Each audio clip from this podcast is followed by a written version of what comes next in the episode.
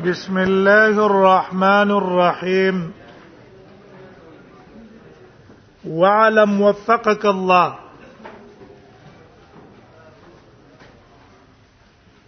امام نووي رحمه الله اگر علی کېدله دلته ترجمه الباب اخی ده باب وجوب الروايه عن الثقات وترك الكذابين د کتاب په ابتدا کې مونږ ویلو امام ترمذی دا امام مسلم رحم الله د خپل کتابونو کې باب نه دی ښه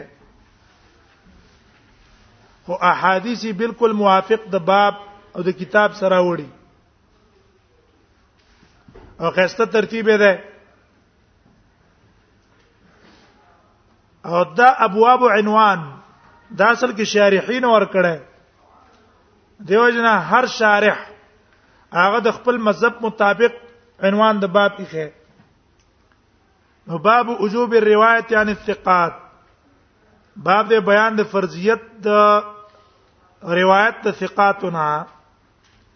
ته روایت نقل کې د چانه به نقل کې د ثقه او راویانو به ثقه او راویانو نه به نقل کې وترک الكذابین او چې کذاب راوی د هغه روایت بنن نه نقل کې به پرې دی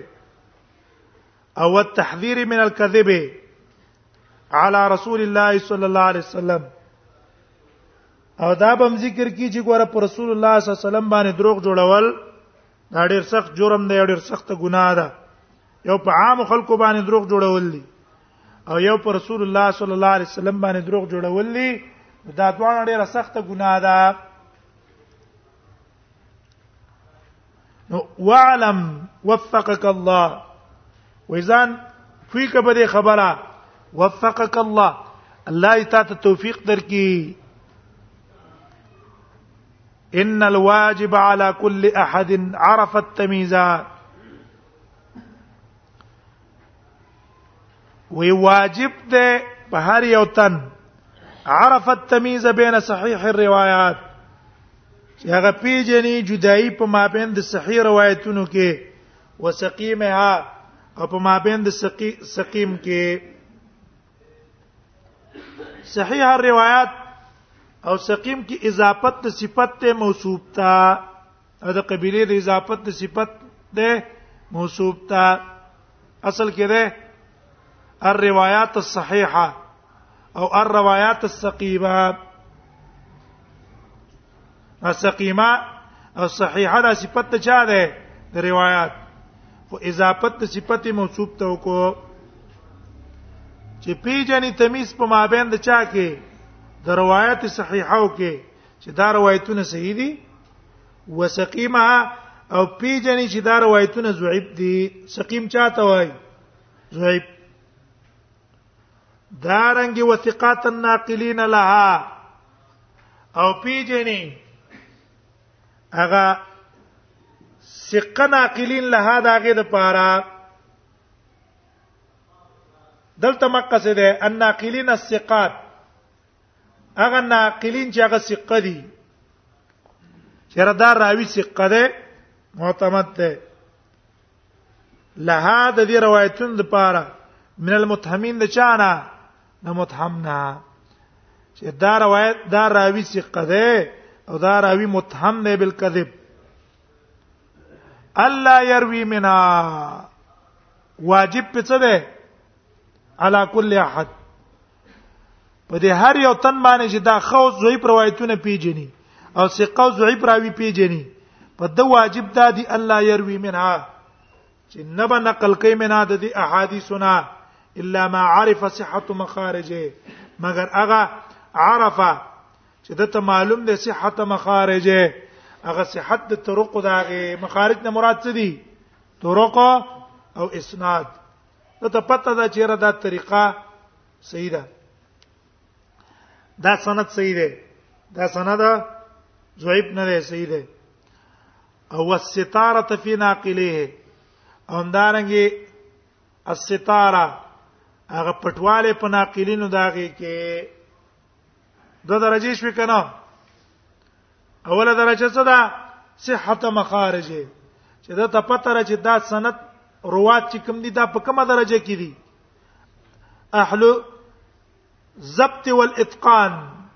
اهل د ضبط او د اتقان دی په اعلی درجه کې او دویم ټیک دا غس ضبط او اتقان کې نه وی خو والستاره فی ناقله عادلان دي څه دي صدق او د عدل صفت کې دی شامل دي اگر که ضبط او اتقان کې اولې درجه ته نه رسیږي دا غته مدرجه شو کنه شو وان يتقي منا او ځان ساتي منا د دینه ما کان منها من اهل التهم هغه چې وی من اهل التهم د متهمینونه متهم دی چې پاغه باندې تهمت ته جردا سینه ده او والمعاندين او يا عنادی دي من اهل البدع د مبتدعين نور ثقه ده ضبط او اتقان او علام ده خو لیکن مبتدع ده مبتدع فی الاعتقاد نددنا روایت فسکی ځان به ساتي والمعاندين من اهل البدع وسراشه مصنف دا خبر او کړه ان يتقي منها ما كان من اهل التهم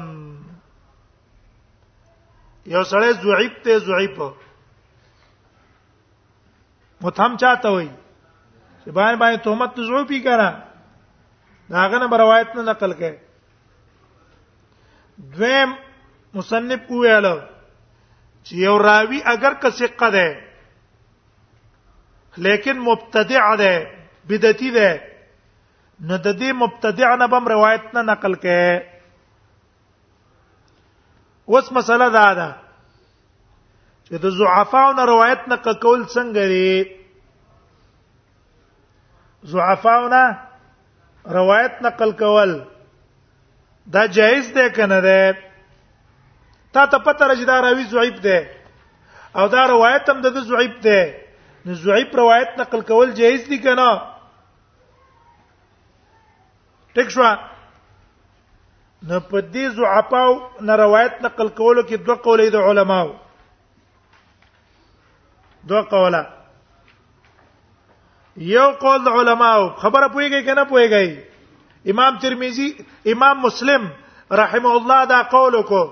چې د زعفاونه پر روایت جائز نه دی چې ته د زعفاونه روایت نقل کړي اره امام مسلم راي ده اوس د زعفاونه روایت نقل کول څه حکم لري نو په دې کې دوه قولې د علماو یو د جواز الروایت عنهم خیر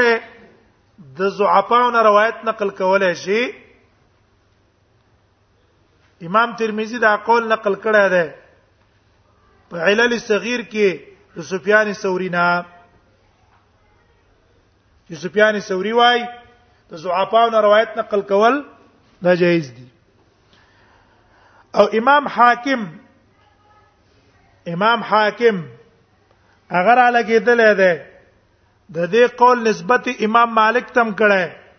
امام شافعی تم کړه امام ابو حنیفه تم کړه او امام خا دې ته نسبت کړه امام ابو حنیفه امام شافعی او امام مالک خو امام مالک چې دا امام حاکم چې نسبت دی ته کړه دا نسبت اصل کې د دې د وجه نه کړه چې دی علماو د ضعیفونه روایتونه نقل کړی دي نو د دې نقل په بنا باندې د نسبت دی ته کړه چې دی قائل دي دي د جواز دی خبره پوهیږي کنه مثلا امام مالک روایت نقل کړی د عبد الکریم ابن ابي اميه نه عبد الکریم ابن ابي اميه او عبد الکریم ابن ابي اميه ضعیف ده او امام مالک ته روایت نقل کړی نو دا روایت نقل کول د امام مالک دلیل دی په دې چې د مذهب څه شو چې د ضعیف نه روایت جایز ده که د ضعیف نه روایت نقل کول جایز نه وي امام مالک په روایت نقل کوله به تک نقل کوله دغه شان امام ونیفه بارک راضی و امام ونیفه د جابر الجعفی روایتونه نقل کړي جابر الجعفي او جابر الجعفي په اتفاق ضعیف دی کنه ده خو چې امام بونی فدا غنه روایت نقل کو دا دلیل دی په دې چې د پنځ باندې روایت هغه نه جایز شو دغه شان امام شافعي هغه د ابراهيم ابن يحيى نه روایت نقل روایتونه نقل کړي او حال دار چې هغه ضعیف ده نه دا روایتونه دا غنه نقل کول دا دلیل شو پدې چې دا روایت جایز ده دا غشان د امام یحیی ابن معین نے قول نقل کړه و امام احمد یحیی ابن معین اولیدلو په صنعا کې هغه ځان سره روایتونه لیکل صحيفه معمر عن ابان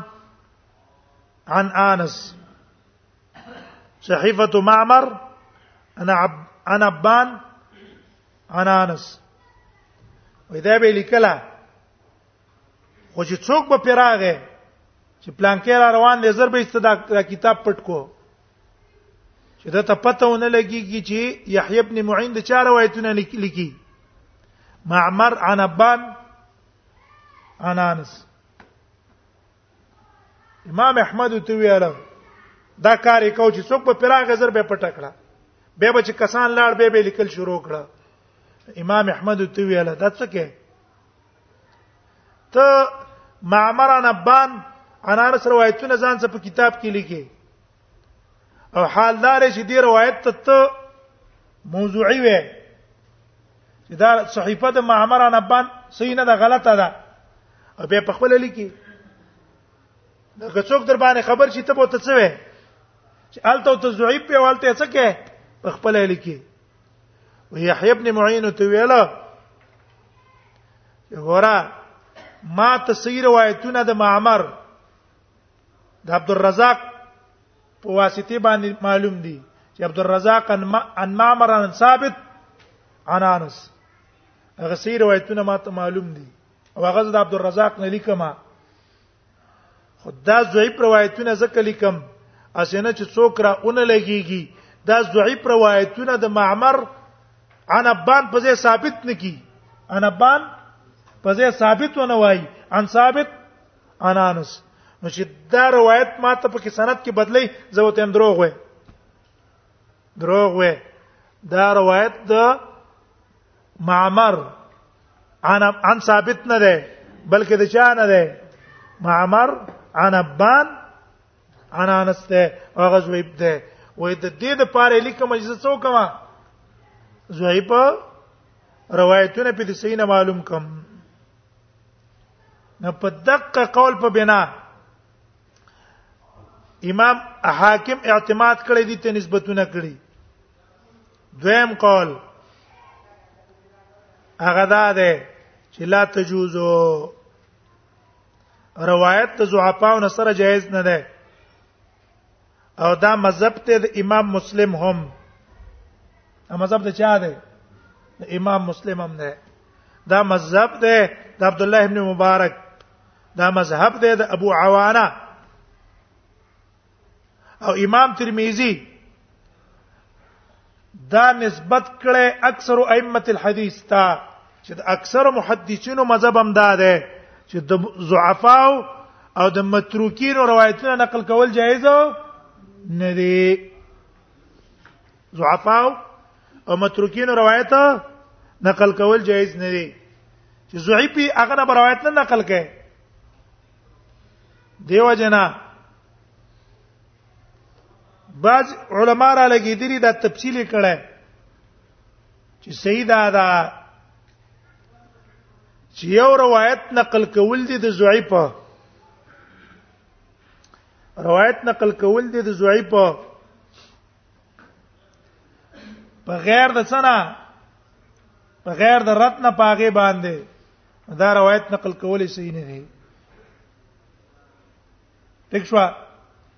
او یو ته دا غ روایت لیکي د دې لپاره چې خلکو ته ثابت کی چې دا روایت څه ده ضعیف ده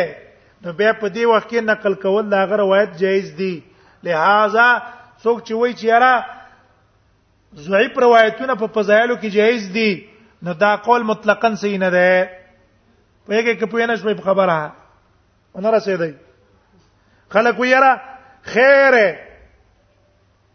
فضائل کې زوی روایتونه نقل کول جایز دي نه دا خبره مطلق نه ده دا خبره مطلقاً صحیح نه ده کله چې زوی روایتي او پاغه باندې استنباط ته حکم کیږي بیا غ نقل کول په فضایلو کې جایز نه دي وایي کنه پويږي په فضایلو کې هغه نقل کول جایز نه دي که استنباط ته حکم ته نه کېدو استنباط د حکم په صحیح حدیث کېدو صرف د فضایل لپاره زوی روایت راوړي او رستو په حکم د زو پم پیو کې به دا جایز ده مثلا تا ته پته راځي ماسپخیم مونږ پرز دی دا ثابت ته په سید شو کنه اوس ته د ماسپخیم فضایل بیانې ماسپخیم مونږ چاو کو دونه اجر به په الله ورکی نو کدی کې د زوی روایت راوړو دا جایز دی خو په شرط دی چې حکم پیرستو څه کې ورته حدیث می تنقل کو خو هاذا حدیث ضعیف فی کلام دا جایز دی اوس به پیښ وای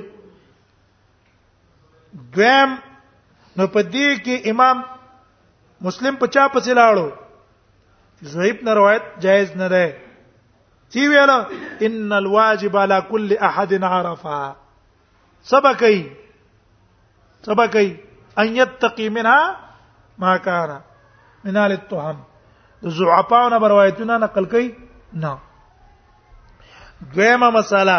والمعاندین من اهل البدع دا دویمه مساله ده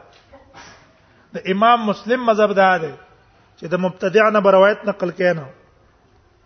لیکن په دې مسله کې اختلاف ته د علماو دې مسله کې څه ده اختلاف ته د علماو یو قول له ابن سیرین د امام مالک د ابن عوینه او د حمیدی او د علی ابن حرب او د حسن بصری او دا قول د امام مسلم هم چې د مبتدعنا سره روایت جایز نه ده قدری ده شیعه ده ټیک شو مبتدع شو کنه جوهمی دی مبتدع دی د مبتدع روایت منه نقل کړي دیو جن حسن بصری وای لا تسمعوا من اهل الاهواء اهل الاهواء سره روایتونه نقل کوي ما او خامخا دا اثر پکې کنه کیږي تزيد دي جنا لاړ شي اول نه د بریان په مدرسه کې داخل شي ولالته سبقونه خدي او هغه مقلدینو په مدرسو کې ور داخل کې چې بس ار وخت فکر دای چې د الیدی شو څنګه خلاف وکړو په نحو په سر کې ما خبره تاوي راته وای حالت چې تلاړې نو څه به تنه جوړیږي چې فارغي کې دماغ بل داغې نه ډکړي بیا با الی حدیث ته خواله راځي نه به با تا ته خطې د خپل استادانو څه معلوم شي دیو جنا اهل الاهوان به وڅنه کې لا تسمع ولا الهوا دا خبره ټیک ده ښا یو تن دې جنزیره منګه زو الت نحو صرف خده او به خو اورو نحو صرف الت چا ویل چې خده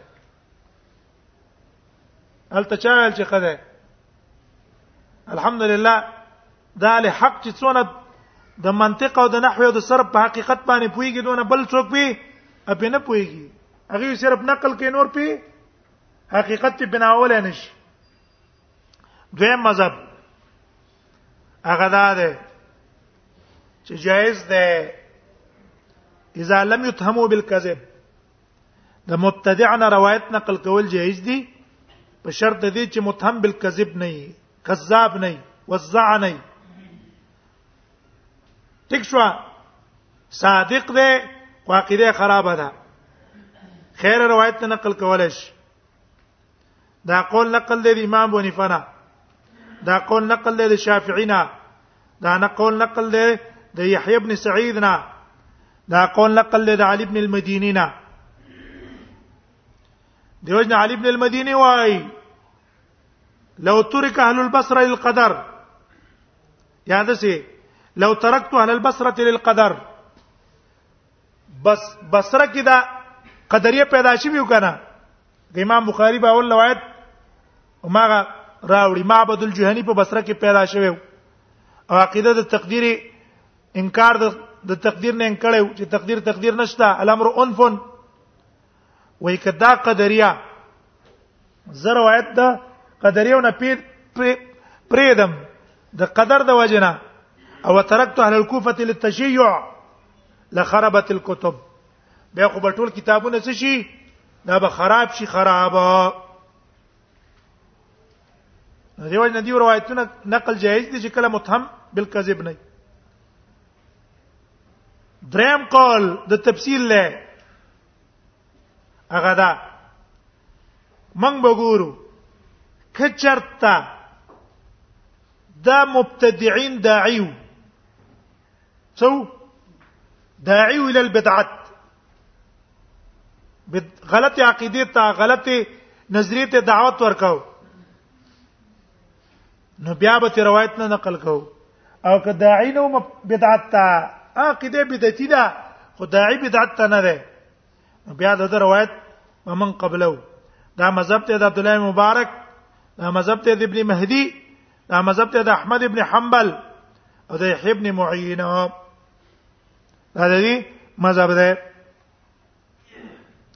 اولنی قول والا دلیل څه ده